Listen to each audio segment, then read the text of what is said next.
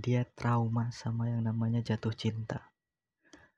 Dan sekarang aku mengerti bagaimana rasanya berusaha bertahan dengan seseorang yang sebegitunya trauma dengan masa lalunya. Hayo, siapa di antara kalian yang sedang ada di posisi seperti itu? Entah di posisi orang yang sedang trauma, ataupun posisi orang yang sedang berusaha menyembuhkan traumanya. Gue cuma mau nanya nih, gimana sih rasanya? Gue sebenarnya tahu gimana rasanya. Cuma gue juga pengen tahu apakah yang kalian rasakan sama seperti yang gue rasakan. Atau kalian punya rasa yang lebih mengecewakan. Tapi satu rasa yang gue yakin kita sama-sama merasakan sebagai orang yang berusaha menyembuhkan trauma, yaitu sama-sama merasakan capek yang lebih capek dari biasanya. Ya, gimana mau gak capek? Lu yang berusaha sendirian, lu juga yang dibuat menyerah sama usaha yang lu lakukan. Tapi kadang ada juga kalimat-kalimat penenang untuk kita. Seolah-olah berusaha meyakinkan kita buat lanjut berjuang. Pernah nggak sih kalian dapat kalimat-kalimat itu? Kayak misalkan, makasih ya udah mau sabar nunggu aku. Atau, makasih ya udah bikin aku seneng terus dan bikin aku perlahan lupa sama trauma aku di masa lalu.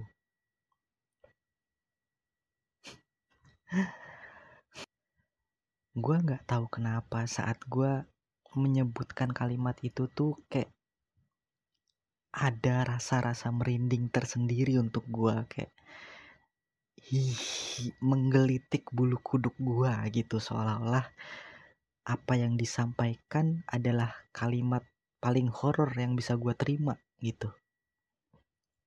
Kalimat-kalimat itu biasanya disampaikan ketika si orang yang trauma ini melihat kita mulai lelah berjuang. Yang sepengalaman gue dulu, ya memang begitu. Gue diyakinkan dengan kalimat penenang, sekaligus penyemangat di saat gue udah capek nih buat berjuang demi dia berjuang buat bikin dia lupa sama traumanya di masa lalu. Tapi seolah menyambung pembahasan dari podcast gue yang judulnya posesif. Di situ gue pernah bilang gini, jangan jadikan trauma masa lalumu sebagai alasan untuk merubah dirimu menjadi seseorang yang menyebalkan di masa depan. Maksudnya menyebalkan di sini ya itu tadi yang selalu punya alasan untuk menggalau, yang selalu punya alasan untuk gak percaya lagi sama orang lain, yang selalu punya alasan untuk gak percaya lagi sama yang namanya cinta, yang selalu punya alasan untuk mengenang luka yang disebabkan oleh masa lalunya. Itu yang gue maksud menyebalkan. Kesel, ya jelas kesel lah Siapa yang nggak akan kesel coba kalau ada di posisi yang sedang berjuang? Pengen mundur, udah kepalang tanggung karena ngerasa gua tuh bisa loh sebentar lagi meyakinkan dia buat nerima gua, meyakinkan hatinya untuk membuka pintu yang tertutup rapat itu buat gua. Rasanya pengen maju terus. Tapi ketika sadar bahwa ada tembok besar dan tinggi yang menghalangi itu. Gue sampai meng, gue sampai tidak bisa melihat ujung dari perjuangan itu ada di mana. Gue nggak tahu apakah orang yang trauma ini tuh sadar dengan sikap dia yang masih terjebak sama masa lalunya. Secara tidak langsung pasti akan menyakiti orang yang sedang bersama dia saat itu. Sadar gak sih dia? Sikapnya itu menyakitkan untuk diterima. Kalau memang belum siap untuk membuka hati, belum bisa berdamai dengan masa lalu, ya jangan buka hati.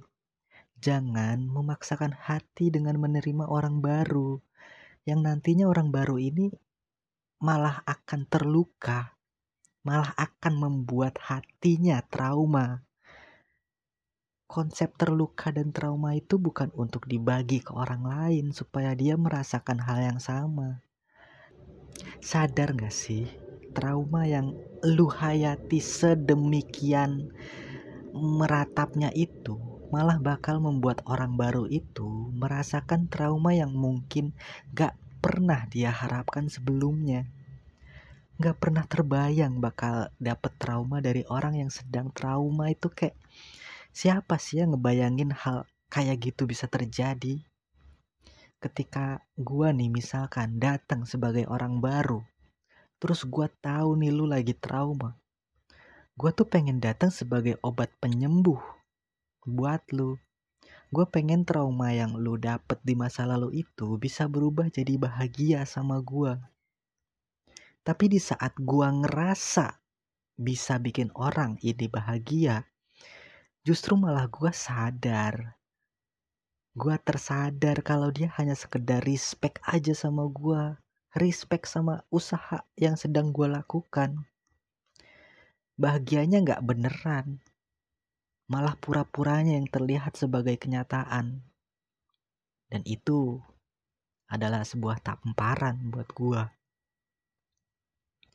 Dari tadi tuh gua kayak memandang buruk orang yang trauma sama masa lalunya.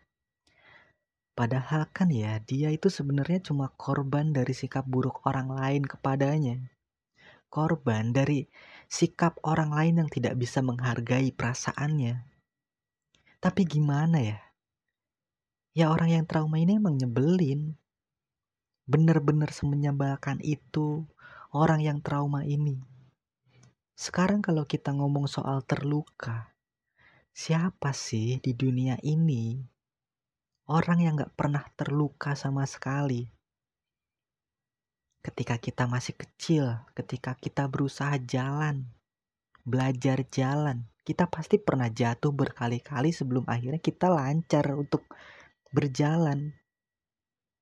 Lalu setelah berjalan kita berusaha berlari, menggapai sesuatu. Kemudian di tengah jalan kita tersandung oleh batu, entah kerikil atau apa pun, atau karena kelalaian kita sendiri. Kita jatuh dan kita terluka. Lalu apakah itu membuat kita lantas menyerah dan berhenti karena luka yang kita dapatkan itu? Kan tidak ya. Kan tidak seharusnya kita berhenti. Kita itu harus harus punya pijakan yang kuat lagi untuk memulai mengejar, untuk mulai berjalan, untuk memulai menyusun masa depan kita menjadi lebih baik lagi. Cuma tinggal balik lagi ke kitanya.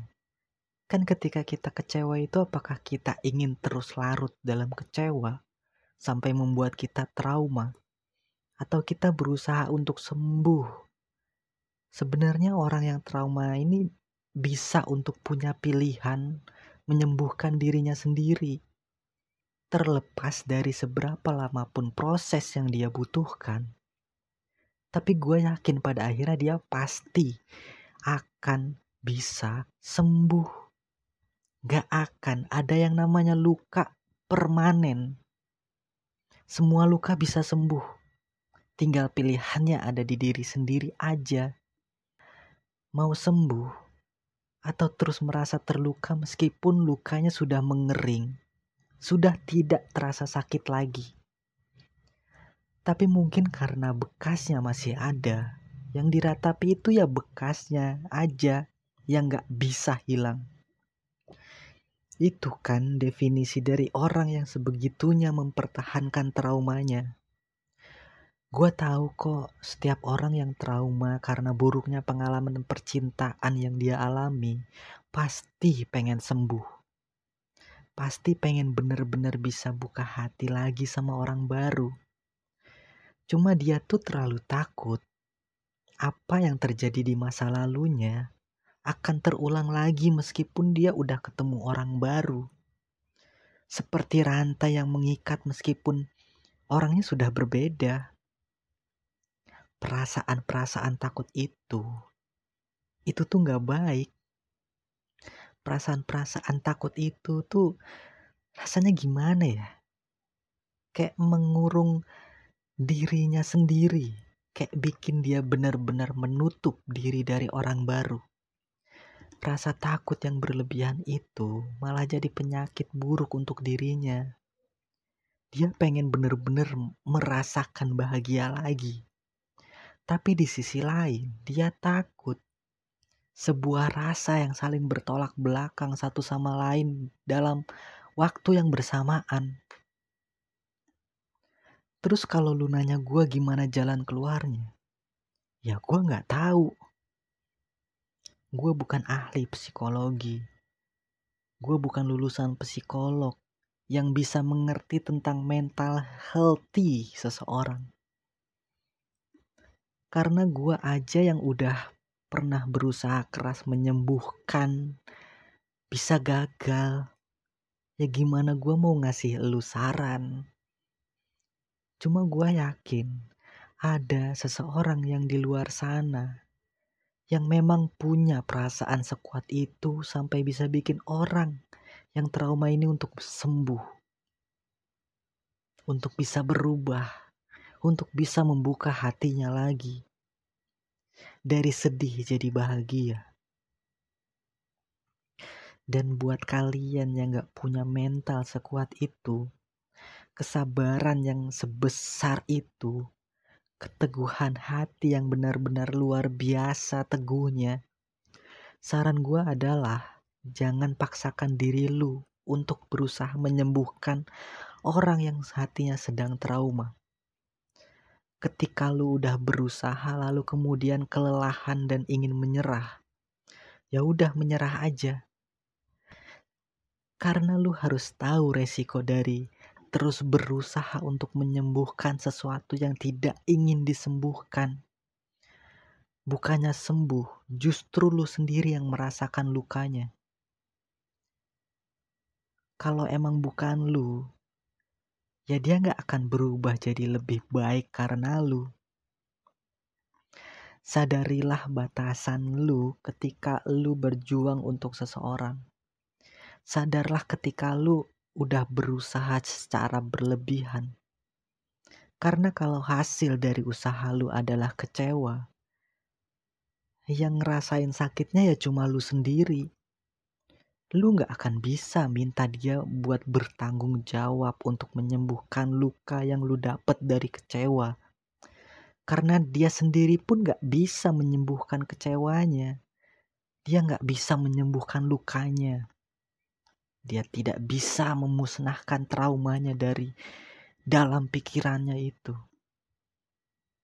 Jadi, jangan berlebihan. Berusahalah sewajarnya saja. Jika memang setelah semua yang lu lakukan hasilnya nihil, lu juga harus menerima dan sadar diri untuk mundur secara perlahan. Ibarat kata, jangan terus ngegas di saat kondisi jalanan itu lagi macet. Kadang kita juga harus berjalan perlahan. Kadang kita juga harus tahu kapan kita harus berhenti untuk mengamati situasi.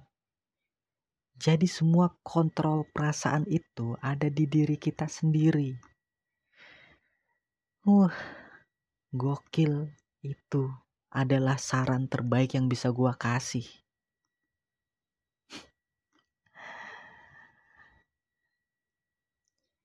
Jadi, kesimpulan dari pembahasan trauma ini adalah jangan trauma. Jangan buat hati merana karena trauma. Trauma itu didapat dari sesuatu berlebihan yang kita lakukan ketika hati merasakan cinta yang begitu luar biasanya sampai bisa melumpuhkan akal logika. Di saat itulah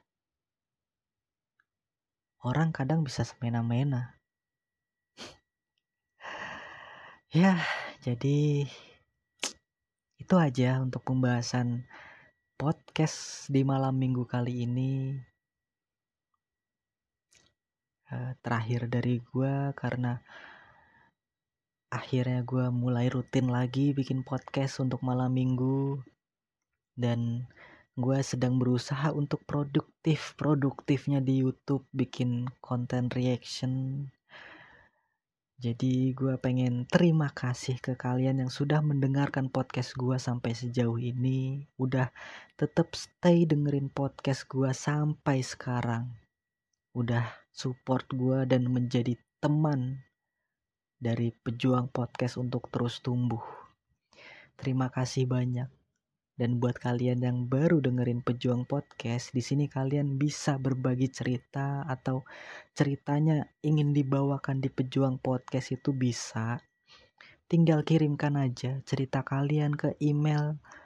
Emailnya itu para pejuang podcast at gmail.com Nanti akan gue cantumkan juga emailnya di deskripsi biar lebih jelas.